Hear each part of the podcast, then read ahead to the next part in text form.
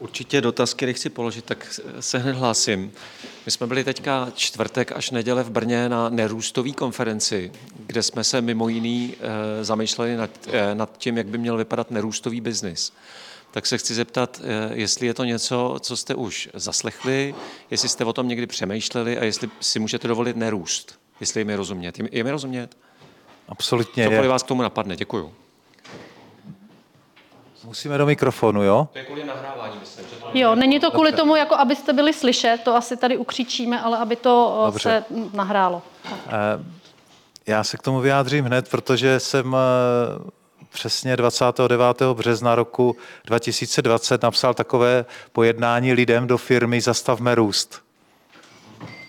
A myslím si, že je to právě ono eh, přesně, my jsme se tady promítli, takže osobně si myslím, že je to právě správná jako jednoznačně strategie do budoucnosti s tím, že bychom měli dělat méně, Myslím si, že je to o takových 20 až 30 jo, když jsem, a dokonce ty automobilky, já když slyším, že automobilky vyrábí o 20% méně, tak mi srdíčko poskočí, jako že je to správně a musíme dělat kvalitněji. Takže myslím si, že ta strategie je opravdu jako velmi dobrá a uvedu příklad Tomáše Sedláčka, který říká, že, že já se teda bojím exponenciál.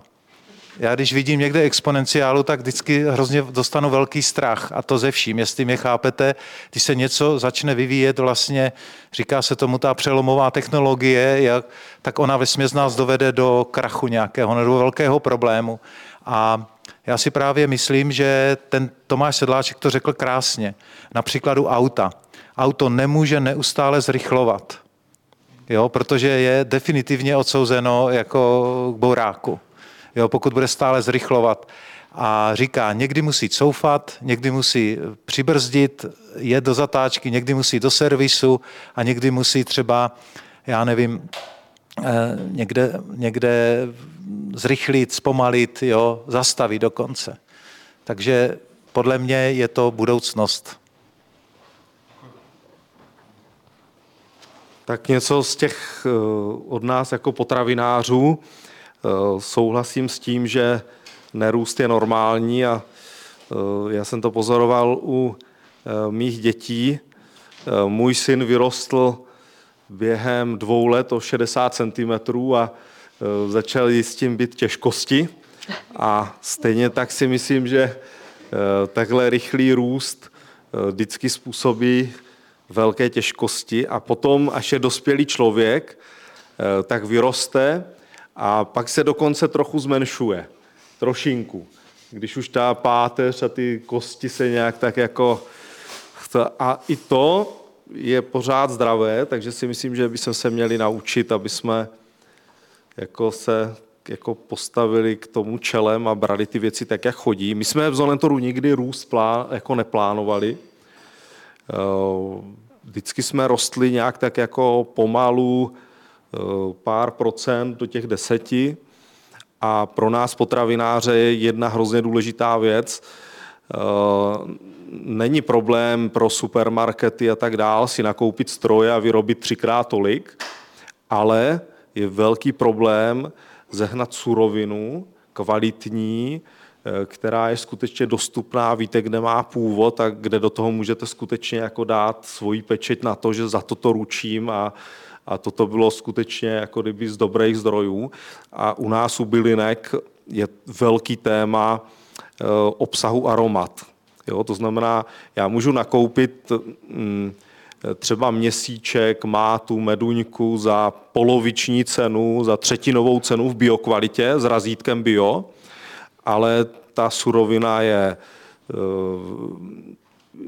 jak vypráhlá, nemá jako kdyby vyčmuchlá, jo, já teďka hledám to slovo eh, správné, byla skladovaná někde a díky tomu je velmi těžké zabezpečit růst díky tomu, že nezeženete tak kvalitní surovinu. Takže my se snažíme hledat nové sedláky a myslím si, že ten zdravý růst, tak aby potravinová firma Eh, dovedla zabezpečit odhadu někde mezi maximálně 5 a 15 procenty a cokoliv na to je to velmi podezřelý.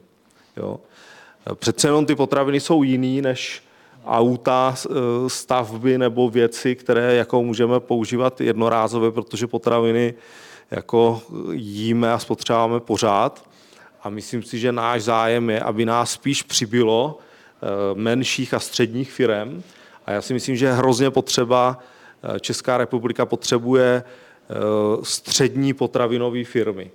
Těch malých je hodně, ale ty velmi těžko dovedou uzásobit ten, jako kdyby ten malou obchod tak, jak jsem dával příklad ty kozí síry, jo? oni dávají dva měsíce, ale ten obchod to potřebuje pořád. Takže tak. Tak děkuji za odpovědi. Tak kdo se hlásí dál? Nějaká reakce na to, co jste slyšeli, dotaz? Já zachráním ještě k tomu růstu. Právě v Africe prostě vlastně tam roste populace jo, obrovsky jo, oproti jako Evropě a samozřejmě i v Číně a tady v těchto zemích, ale, ale to se asi nedá úplně jako zastavit, jo, protože je to náboženství, je to muslimský svět, takže prostě má ty tři manželky, jo, ten muslim, jo, ale co si myslím, eh, zjistil jsem, že 50% veškerých potravin v Africe se vyhazuje. Protože oni je neumí zpracovávat.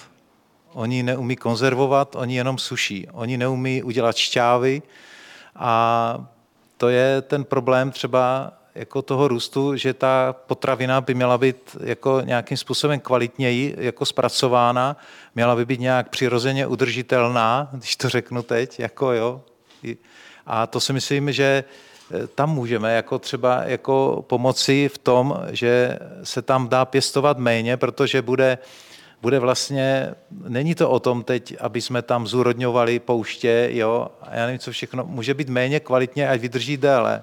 I toto je třeba s tím spojeno, když to tak to jako řeknu, jo. To číslo je opravdu takové, to vám můžu říct a my jsme právě uvažovali o těch budoucích, a teď už o tom se bavíme, takzvaných eh, eh, opět modulárních, eh, bych řekl, zpracovnách ovoce, které dokáží udělat vlastně koncentrát, já jsem v tom i dělal dost dlouho, jak jste viděli tam na moštárně, a udělat koncentrát, který je přirozeně vlastně koncentrován obsahem cukru přes 60 vlastně procent a tím pádem z toho tam potom dělat třeba šťávy. Jo, ale Oni Afričani, představte si, oni když sklízí, tak oni se totálně přejídají. Jo? A potom mají hlad. Jo? To je realita. Jo? A z toho mají obrovské problémy zdravotní. Jo? Eh, průměrný věk v Senegalu je 18 let.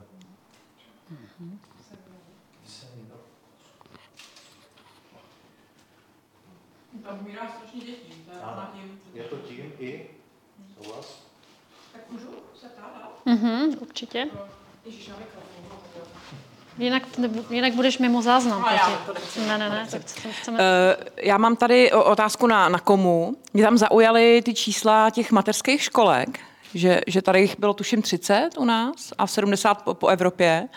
Mě by zajímala taková ta administrativní jako to porovnání u nás tady a, a prostě v zahraničí, jak, jak moc je to složitý takovouhle stavbu třeba prosadit, nebo zaujala mě ta Itálie, tak tam byla nějaká nouze, že jo, bylo tam prostě zemětřesení, oni to potřebovali, tak jak moc je třeba tohleto u nás, kdy ta nouze zatím není, mm-hmm. tak jak to třeba může pomoct pro budoucnost tohohle, to mě jako zaujalo, jak, jestli můžete to nějak jako říct, jak tohle je, ten rozdíl, první otázka, jakoby v té Evropě a tady, nějaká administrativa zatím, a pak jako, kdy už přijde ta doba, kdy to prostě bude potřeba, takovýhle stavby stavět. Děkuji. Hmm. Já jsem z té druhé strany, teda my si říkáme jazzmeni. Jo, my jsme jako, eh, já si nemyslím, že je to jako vše spásné. Jo, prostě budeme stavět z těch, z těch standardních materiálů, ale my víme, že po vodě, eh, a myslím si voda a ještě něco, eh, no po vodě snad možná na druhém místě už je písek, jo, který není. Jo, protože pouštní písek se nedá jako použít na stavby jo, protože takzvaně pluje a je vlastně, to jsou kuličky. Takže my si říkáme, že zmení v tom a nemyslíme si, že se bude stavět prostě všechno. Já si myslím, že bychom měli přestat stavět. A to je zásadní, slyšel jsem to teď na konferenci právě do architektů, že už je postaveno dost. Že už bychom měli vlastně přestat stavět. A, a my skládáme, ale skládat se bude, protože to se dá přesouvat. Jo? A to by měla být ta alternativa, jo, že se bude přesouvat, ale už se přestane stavět. A když tak přestavujme něco, co už je tady, ale nestavme nově. Jo, už toho máme dost prostě. A řekl jsem to jednu, trošku ze široka, pardon, ale řeknu jednu věc, řekl jsem to teď o přestávce, jsme se bavili. Já když jezdím po Africe, tak tam není žádná infrastruktura, nebo velmi nízká, možná ve větších městech, jo, ale všude je hrozně moc lidí. Když to v Evropě je to naopak. Jako potkáváte tady prázdné ulice a všechno máme vystavěné, jo, všechno máme udělané, ale tady nejsou lidi. Jo? A teď si představíte, tento, tato disproporce je šílená, jako když se nad tím jako zamyslíte. Já jsem hrozně rád, že jsme v Africe teď. Jako řeknu to tak. No a ty školky, eh, země od země, město od města, jo, a já vám můžu říct, že, jsou, že to jde. My začínáme kolikrát eh, vyřizovat, eh, nebo tu školku, oni si vzpomenou někdy tak v dubnu, v květnu. A řeknu vám, že ty školky, my třeba nemáme celozávodní dovolenou, jako nikdy. Protože my děláme právě v srpnu a v červenci nejvíc školek. Jo? A, a mám s tím obrovský boj ve firmě, protože všichni říkají, kdy už budeme mít těch 14 dní. Říkám nikdy. Jo? No, v zimě bychom to mohli, ale my už stavíme ty fashion liney. Ne, ne, to tam pošleme, když někdo bude chtět na dovolenou. To jo, tam jezdí ale eh, jako není rozlišitelné, pokud stavíte modulárně nebo klasickým způsobem. Nemá to žádnou výhodu. Jo? My prostě jsme jako posuzováni jako každá jiná stavba. Ale víte, v čem je to, to zajímavé? Ehm, my stavím, my, eh, teď to jak to říct, my, eh, my vyrábíme tu budovu bez stavebního povolení. Já vám to hned vysvětlím. My v době, kdy víme, že bude stavební povolení, tak my můžeme už vlastně vyrábět mimo to staveniště. Říká se tomu off-site building. Jo?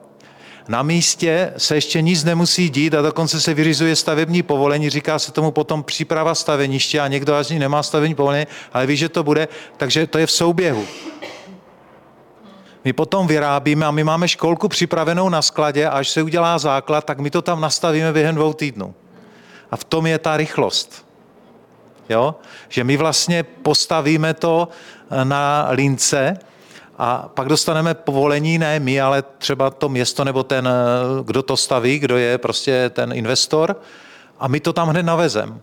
A on nám častokrát jde do toho rizika, že tu objednávku dá a věří tomu, že to stavební povolení prostě bude. Ve směs to vychází, vám můžu říct. Málo kdy se stane, že není povolení, stavební povolení pro školku. Jo?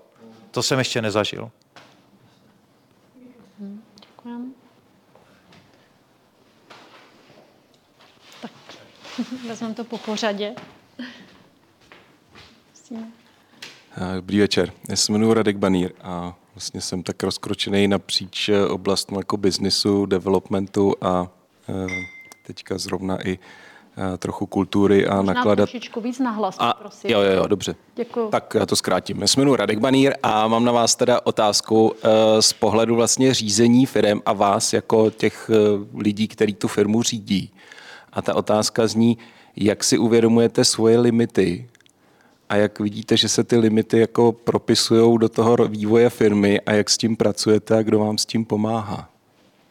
Hmm, tak to je velmi široká otázka, možná na knihu. tak uvidíme.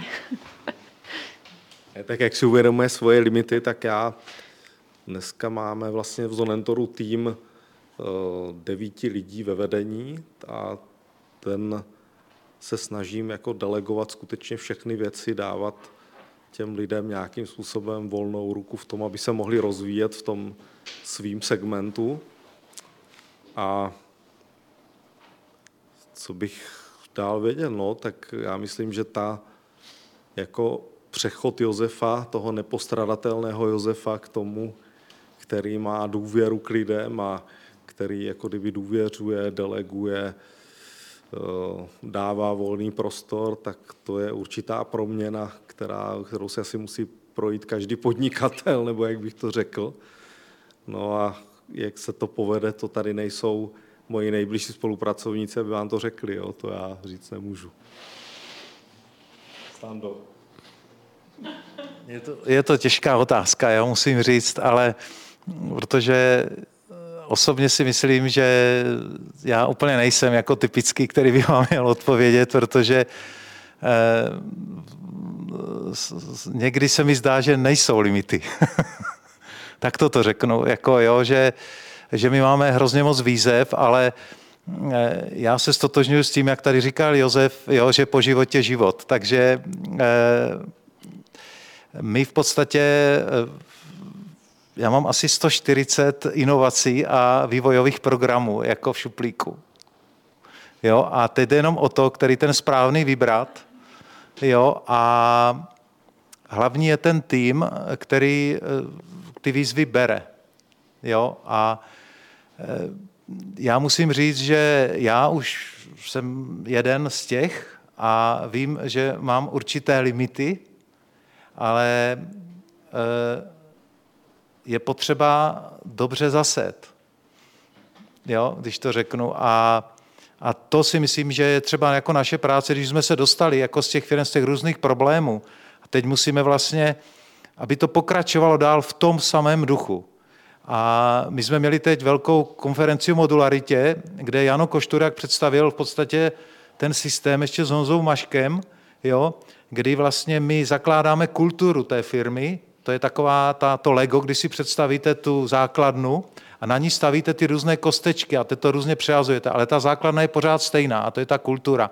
A to si myslím, že my jako musíme vlastně založit, aby na té platformě, aby se neodchylili, aby tam byla ta udržitelnost, aby tam byly ty myšlenky prostě inovativní a aby tam bylo to opravdu v souladu se všema těma věcma v reakci na to, co se děje.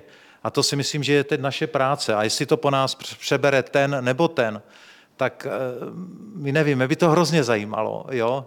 Já někdy hrozně přemýšlím o tom, že by se chtěl vrátit po těch sto letech a podívat se na to, jak to bude vypadat, ale zdá se mi, že ten svět se dostal do exponenciály. Jo. Já to nevím, jestli je to deset, eh, já nechci být skeptický, prosím vás, já jsem životní optimista, ale jako západní svět spěje k záhubě. Mm-hmm. Co s tím můžeme dělat? Jsme v Africe.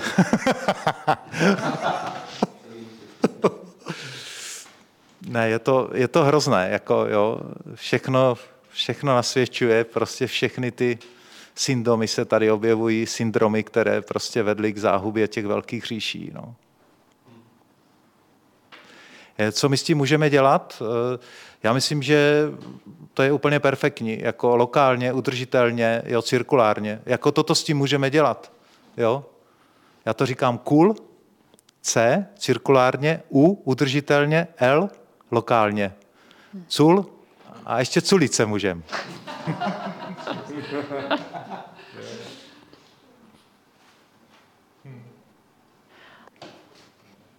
Chtěl jsi nějaký dotaz? No. Jo, tak je to tvoje. Tak, jo, tak díky, že taky můžu položit dotaz. Eh, já jsem Honza a pracuji vlastně v farmaceutickém korporátu a přišel jsem dneska trošku se podívat do jiné bubliny, než v který se běžně vyskytuju ve farmaci. No. A když jsem to tady tak poslouchal, tak mi přišlo, že mm, takový ten styčný bod je kultivace vztahů což vlastně i ta slušná firma k tomu vlastně tak jako vybízí k tomu té interpretaci a to, jak kultivace vztahu v rámci pracoviště, tak vůči třeba subdodavatelům. A mě by zajímalo, jestli za prvý, jestli máte nějaký vlastně program i pro kultivaci finálního zákazníka, aby to nebylo jenom takový, že vrána k vráně sedá, tudíž, že vy pokrýváte nějakou potřebu, která v nějaký proporci v tom světě je, ale že třeba byste to vlastně nějak programově posouvali dál. A druhá otázka by byla, jestli existuje typ zákazníka, který byste třeba odmítli, protože přece jenom jste zmiňoval vaši zkušenost třeba z Čečny ta současná situace je, jaká je, tak si člověk umí představit i podobné extrémy. Hmm, děkuji. Já, já odpovím, to je výborná otázka a já na ní znám odpověď a už dlouho. Jo? Eh, já musím říct, že kolem nás se v podstatě díky tomu, jak my působíme a jak fungujeme, já jsme tady vzpomínali korupci třeba teď, tak kolem nás už v podstatě není mnoho zákazníků, protože o nás ví, že jsme, já to teď řeknu, slušná firma prostě. A k nám už x, x firm nejde vůbec. Jo?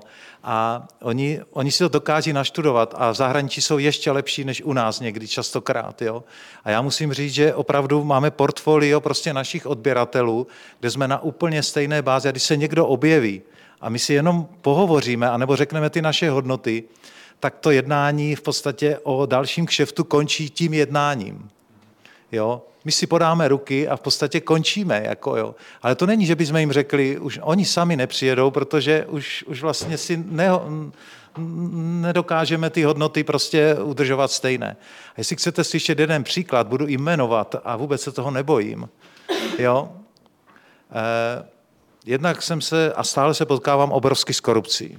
Nevím, jak Josef teď, jako jestli na to naráží taky, ale my si představte, 50% našich úřadů je skorumpovaných prostě, jo. Musím říct, nechci vás zatěžovat, eh, ten jeden příklad je delší, ale řeknu vám ten kratší. Eh, přišel za mnou jeden eh, politik, jmenuje se Ivo Valenta, jo, a je v Senátu, je to senátor, který mimo jiné se zabývá hazardními hrami. Jo, na tom vydělal hromadu peněz, je z Hradiště a e, slyšel moji přednášku někde a říkal, to je bomba, jako. Mohl by se s váma setkat? Samozřejmě. Jo? Pan Valenta přijel na jednání a říká mi, já bych chtěl udělat školku modulární pro děti, anglicky mluvící, jo, ve Zlíně. Říkám, těch děláme hodně a jsem připraven okamžitě, protože vzdělávat děti na angličtinu, anglickou školku, paráda. No a on mi říká, no, eh, pane Martinec, ta školka, to je výborný, to, to, to se mi líbí, to jako určitě uděláme, víte, ale já bych předtím potřeboval postavit několik kasín. A protože nás vyhání z měst, tak já bych rád to udělal modulárně, aby když bych to v tom městě postavil, tak a, a vidíte, a toto je, to, co všichni ty politici, teď se můžete pod těma jménama představit, prostě tak to oni uvažují, když vám, oni jim to pálí dobře, jako jo, pro sebe, jo, a on mi říká, a když bys náhodou mě prostě to tam jako mě vyhazovali, tak mi to přestěhujete na jiné místo. Já budu mít takové letající kasína. Jo? A protože jsem měl i to napsáno, že máme naši dlouhodobou prostě posláním je pomáhat lidem a obohatit svět. Říkám, pane Valenta, já si myslím, že částečně tímto bychom svět obohatili, ale určitě bychom nepomohli lidem. A vy jim ničíte životy. Víte, jako, protože já vím, jako opravdu to tak je, jako jo. A on mi říká, eh, no, dobře, dobře, dobře, tak zapomeňte, naschledanou, naschledanou. No, vypadl. Takže ani školka nebyla. Nebyla ani školka, nebyly kasína.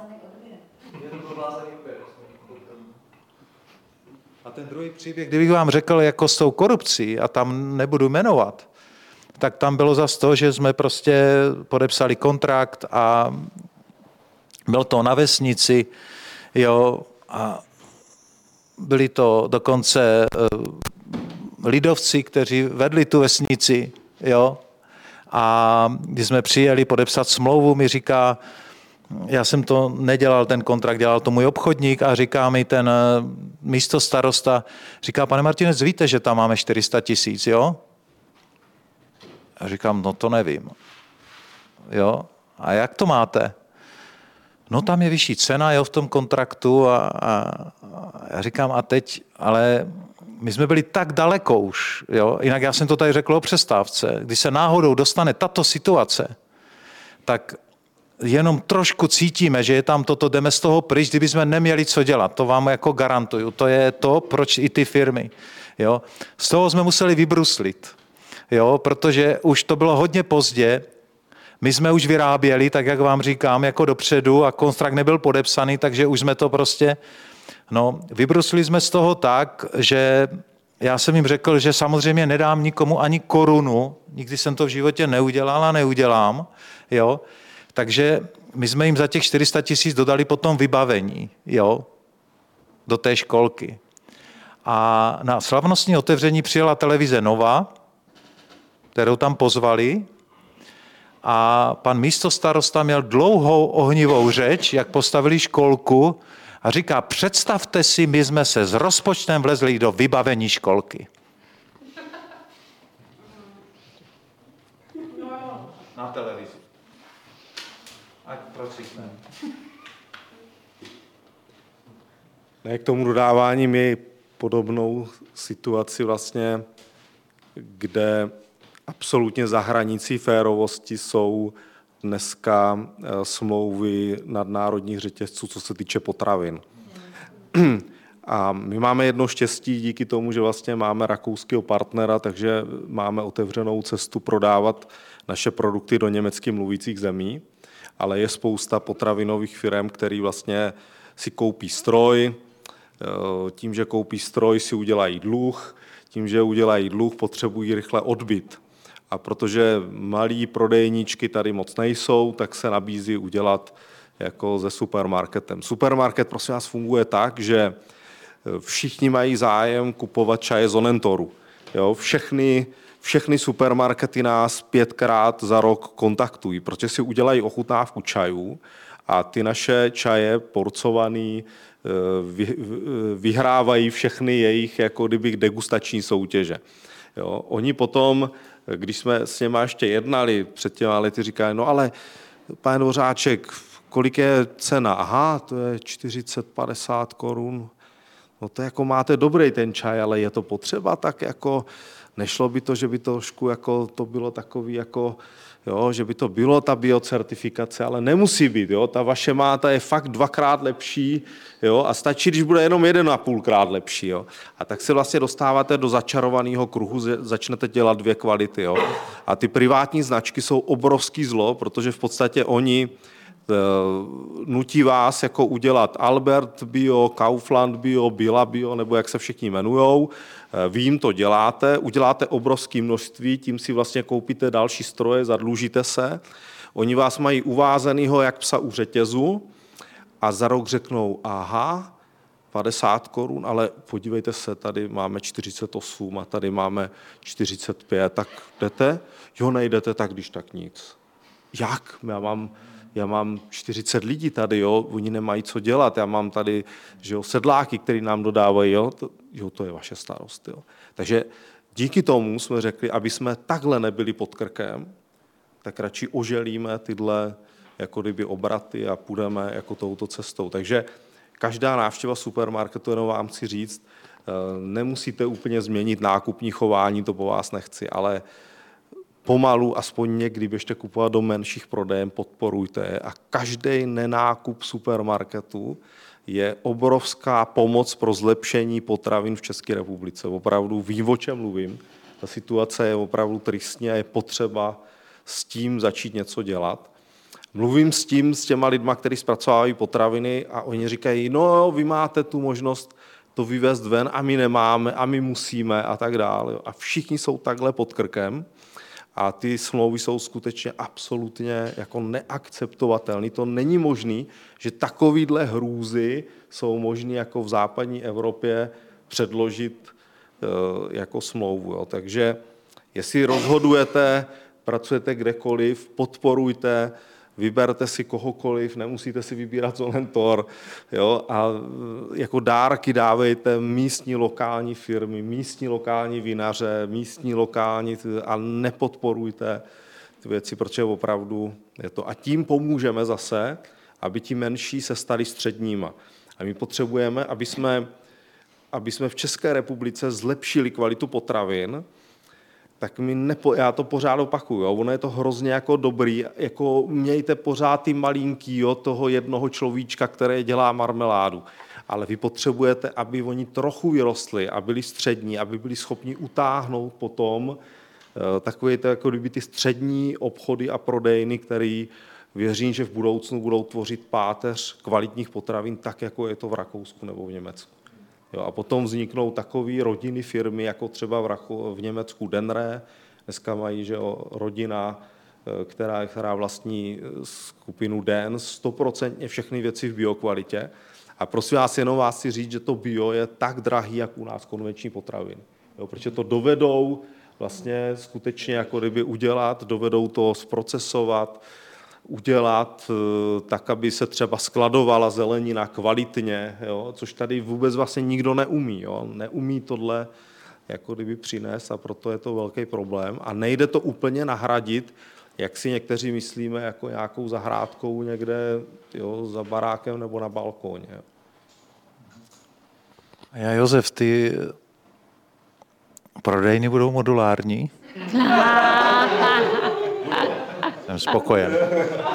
Jo, už se už... to propojuje, to je skvělé. Ano, už jsme, jich, už jsme jich udělali hodně, vám můžu říct. Opravdu, jako pro různé produkty.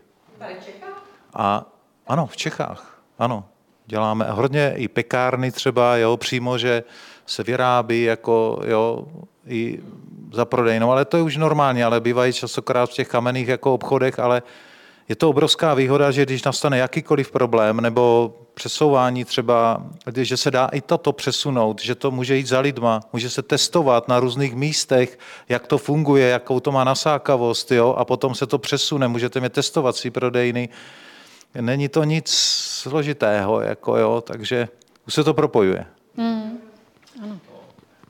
A já si myslím, že potom i velice zajímavý projekt, co vidím, že jako vzniká takhle v zahraničí, že právě takovýhle modulární malé stavby eh, budou moct být součástí toho, že vlastně ta výroba půjde za těma lidma.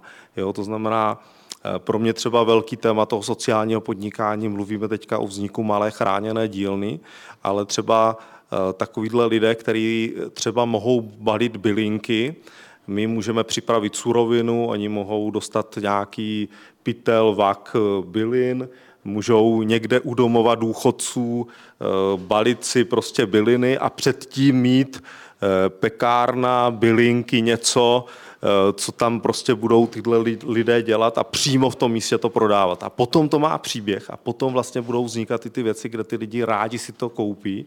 A já vidím, jak obrovskou přidanou hodnotu, když jsme přestali prodávat do supermarketů, tak nás zachránilo, víte co, obrovsky nám propadly vlastně tržby a zachránilo nás to, že jsme otevřeli firmu a začali k nám jezdit lidé se dívat, jak to děláme. A ti naši zaměstnanci, kteří u nás dělali, jim vykládali, že to děláme poctivě, ty příběhy, oni viděli a vlastně jako, a my jsme najednou si v Čejkovicích tehdy prodali 25% vlastní produkce. To bylo nemyslitelný úplně. Jo, a to si myslím, že právě by bylo skvělé tohle propojit, kdyby se nám podařilo vlastně takový malý prodejničky, kde z části bude malá výrobnička a ne jo, to, co třeba my budujeme teďka jako větší fabriku, tak moc jsem taky se tomu bránil, nicméně i to skladování bylin je trochu problém, musíte tam určitý standardy dát, ale myslím si, že ta malá výroba spojená s prodejnou, eh, kde to zároveň je takový jako zážitek, bude, eh, bude logicky vyústění a že ještě stejně určitě něco spolu udělám. O tom jsem přesvědčen, jo, že se něco... Eh, základ je, opravdu eh, musí jít ty, ta výroba za lidmi a ještě za surovinami. Jo, my jsme třeba i tady z Ambiente jo, připravovali třeba moštárnu nebo moštárnu, která bude přímo v sadu. Jo, a zatím se to neuskutečnilo, jo, musím říct, ale aby se přímo ze sadu vyrobil v podstatě jako džus. A ještě se zabalil. Jo? Úplně ne, skladování úplně prostě třeba odsunout. Jako, jo. Toto jsou ty zajímavé zkratky, jako, jo, které jsou. A my třeba teď uvažujeme opravdu o fabrikách. V té Africe vám to řeknu jednoduše, ty projekty už začínají běžet. A prostě my opravdu už máme návrhy v podstatě zpracoven ovoce, které jim to zpracují a udělají z toho kompoty, udělají z toho marmelády. Oni to neumí prostě. Jo? A uloží si ty marmelády a pak si budou v době, kdy bude jako hlad, tak budou si to mazat, ty marmelády. No. Jo. Já ti dám tady. Já vám to hned vrátím. Ty, mě napadá strašných věcí. A se, Mě taky ještě. tak se jako vyjeveně dívám na ty hodiny, jak mám málo času. Já mám pár takových jako sub, subotázek, jestli můžu. Já- Já je vykřiknu a vrátím vám to, jo. Eh, Tyhle ty modulární prodejničky, aby to bylo možné, bylo by potřeba změnit legislativu, nebo tak, jak to dneska je, je to fajn, je jedna otázka. Potom Eh, Chtěl jsem se zeptat Josefa, eh, mohli byste fungovat bez supermarketu, kdybyste neměli toho rakouského partnera? To znamená, je tohle přenositelná zkušenost pro, prostě pro české firmy? A, a pak tady mám ještě, už toho je moc, co? Eh, Jen jak mluvíš o tom, že je potřeba víc středních firm, myslím si to taky. Já si myslím, že potřebujeme eh, mraky i těch malých a nemyslím si, že jich je dost. Teda. Já vidím eh, mraky těch velikých a, a pak nevidím nic moc jiného. Takže vlastně v každé obci, aby byli prostě zase znova pěstitelé, znova obchodníci, znova prostě výrobci, že potřebujeme i ty mrňaví. A, a poslední otázka byla, mm, že mám pocit, že jsme na stejné misi v tomhle v té podpoře toho, toho místního. Jak ty říkáš, podporujte je tím nákupem, ale my máme všichni hloubějc a hloubějc do kapsy. Co jiného bychom ještě mohli udělat, aby jsme to podpořili? Eh, Jinýho, než že budeme nakupovat vlastně ty často drahé místní věci. Eh, To jsou čtyři otázky. No, no tak uvidíte, co, co. Máme deset minut.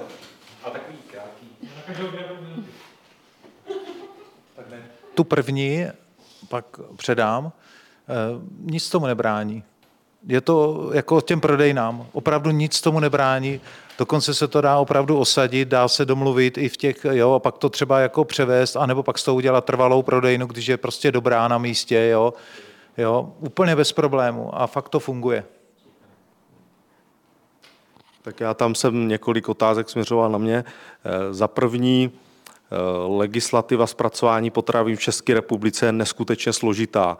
Jdete ve Francii, máte koření v pitlíku, lidi si tam málem nabírají a, a chutnají, tady zakázaný, jo, byste dostali pokutu, my, mohl bych vám o tom vykládat. Eh, V Rakousku se snažíme podporovat, že vlastně všechny sypaný čaje z Onentoru jednodruhový balí starý lidi na farmě. To znamená babička eh, a tak dál, sedláci nám dodají surovinu, babička to rovnou zabalí a do, dodá, dostane etiketu od Zonentoru a zabalí na místě. V České republice nemyslitelný, jo, ty, tyhle věci. To znamená, my to musíme svážet lidi k nám a v certifikovaných kachličkových eh, tohle nás chodí kontrolovat hygiena, jestli jako jsme to všechno splnili. Eh, Pro představu kontroly v okrese Hodonín k nám chodí hm, třikrát až čtyřikrát za rok. Jo? Máme prostě za všechno jsme teda peskovaní, je to velmi jako náročný, nevím, jak je to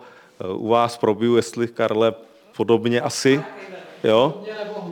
Podobně nebo ještě hůř. Jak ubývá těch firm a potravináři u nás téměř nejsou, Není koho kontrolovat. Tak je, ano, a oni někam musí chodit, že jo? Já jsem se často ptal, kdo nás udal.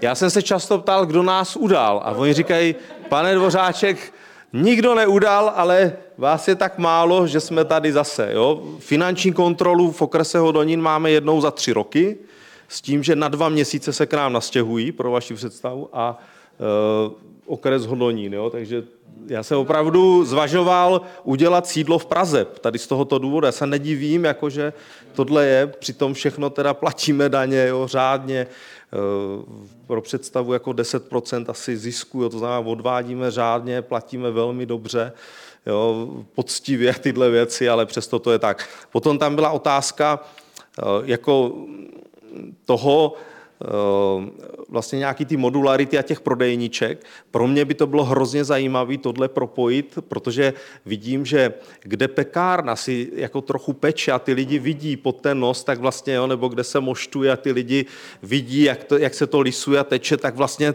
tak to je to, eh, proč si tam chvíli posedí, podívají se s dětma a koupí si to. To je taková moje vize, že by hrozně bylo skvělé tyhle lokální věci udělat. V Rakousku se mně líbí, vznikají eh, ve Waldviertlu, viděl jsem teď asi pět, šest samoobslužných prodejen, kde se vlastně ty lidi domluvili. Funguje to z, teďka já, zjišťuju legislativu a právě pokud to klapne, tak jsem si říkal, že právě musíme oslovit a něco podobného vlastně vymyslet jako takový skoro by se dalo franchízový koncept, jo, protože jo, naše čaje, eh, čokoláda od herůvku, tyhle nějaký pečivo, eh, místní mlíko jo, a tyhle věci, ale zase mlíkaři nemůžou místní mlíko prodávat. Jo, tak jak v Rakousku si dáte, tak my máme eh, ekologický farmáře zemědělce, který jako v podstatě na černo někde se dívají, jestli se nikdo nedívá, eh, dají vám tam do toho, ale jinak oni nesmí. V Rakousku všude přijdete, volíznete málem, jo, jako do toho samozřejmě jako musí být nějaká hygiena, ale je to opravdu tristní. A potom poslední tam bylo k tomu, jestli by jsme byli schopni, kdyby jsme neměli možnost eh, na německý trh, byli bychom schopni, my máme dneska skutečně jako oddělený ty prodeje jako Česká republika. Mimochodem, takhle my nejsme klasicky ceřiná firma, ale skutečně všechny peníze, které si vyděláme, zůstávají tady v České republice. Eh, neodvádíme a vlastně investujeme ty věci zpátky do firmy. A eh, je to, je to o té odvaze, ale musíte to od začátku ten obchod stavět tak, že vlastně to máte na víc nohách. Jo. To znamená, my dneska to hlavní, co je, jsou jsou naše vlastní prodeje, potom je naše turistika, naše vlastní prodejny, náš e-shop, B2B ehm, segment, to znamená velkou obchody a potom malý prodejny, kterým prodáváme dál, potom je dárkový segment a potom nabízíme vlastně firmám dárky na Vánoce, to je pro nás velký zdroj obživy. Díky těmto věcem pracuje u nás třeba kolem 40 lidí, díky tomu, že si lidi kupují od nás dárky na Vánoce. Takže to je několik segmentů. A jenom bych chtěl říct, ten základ, na čem jsme to postavili, že žádný zákazník u nás Českým Zolentoru nedělá větší obrat jak 4%. Nikdo není tak velký, aby mohl nám diktovat a říkat, co musíme a nemusíme dělat. A proto, jako kdyby můžeme mít tu suverenitu si říct, i tohle je pro nás zahranou. Jo? A musím říct, že o tom často uvažujeme, že jsou už velký e-shopy, kde prostě přemýšlíme, říkáme, tohle je už jako ta hrana a ještě krok a už jdem pryč. Jo. Takže prostě skutečně jako přemýšlíme i o to, kam budeme prodávat, protože je to i jako nějakým takovým způsobem eh, kultivace toho prostředí. Jo. A potom tam ještě nějak bylo jako o tom, jak kultivujeme zákazníky, tak my, pro nás je hrozně důležité vlastně osvěta toho ekologického zemědělství a vůbec jako dopadu eh, pěstování nebo výroby potravin na krajinu, což je velký téma.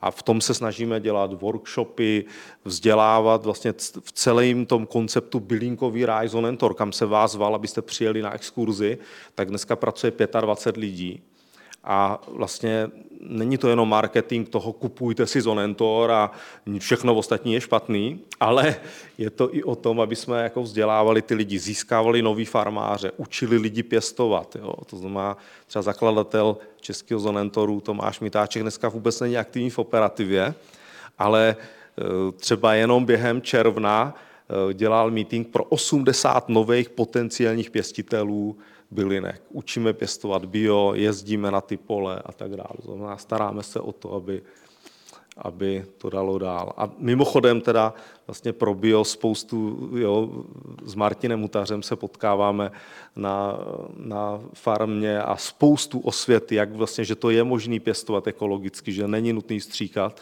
A musím říct krásný příklad, Karle, možná to nevíš, ale eh, když jsem byl na farmě, tak mě potkal jeden pár, jako kdyby s kočárkem a, a děkoval mě, že tam jako hospodaříme ekologicky. Já jsem říkal, že v tom nemám prsty, že, že jako to jenom tak malinko tady děláme.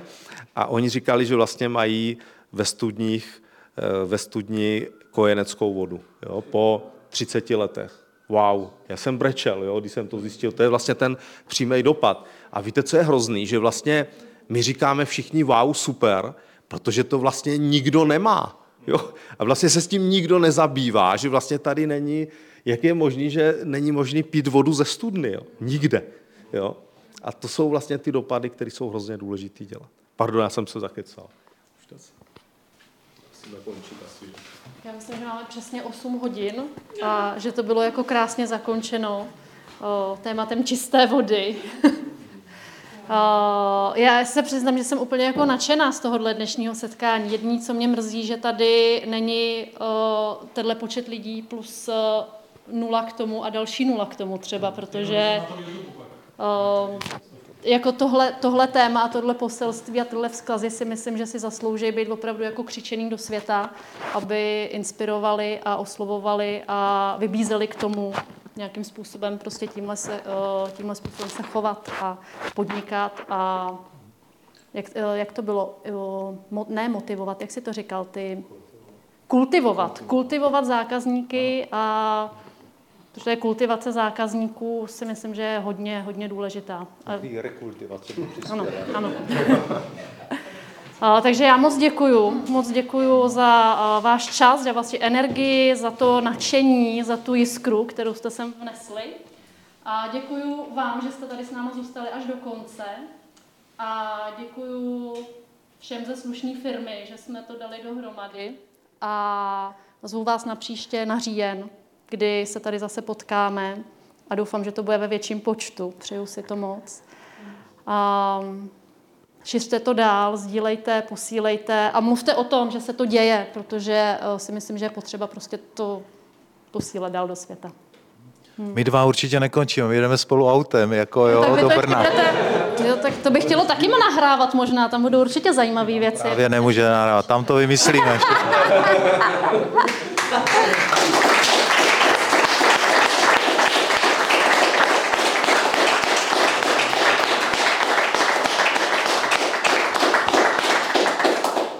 Já myslím, že to je velký potlesk pro vás, že se to zařídili Tomáši Bárošem ve firmě a hlavně za fantastické občerstvení a za, za takovou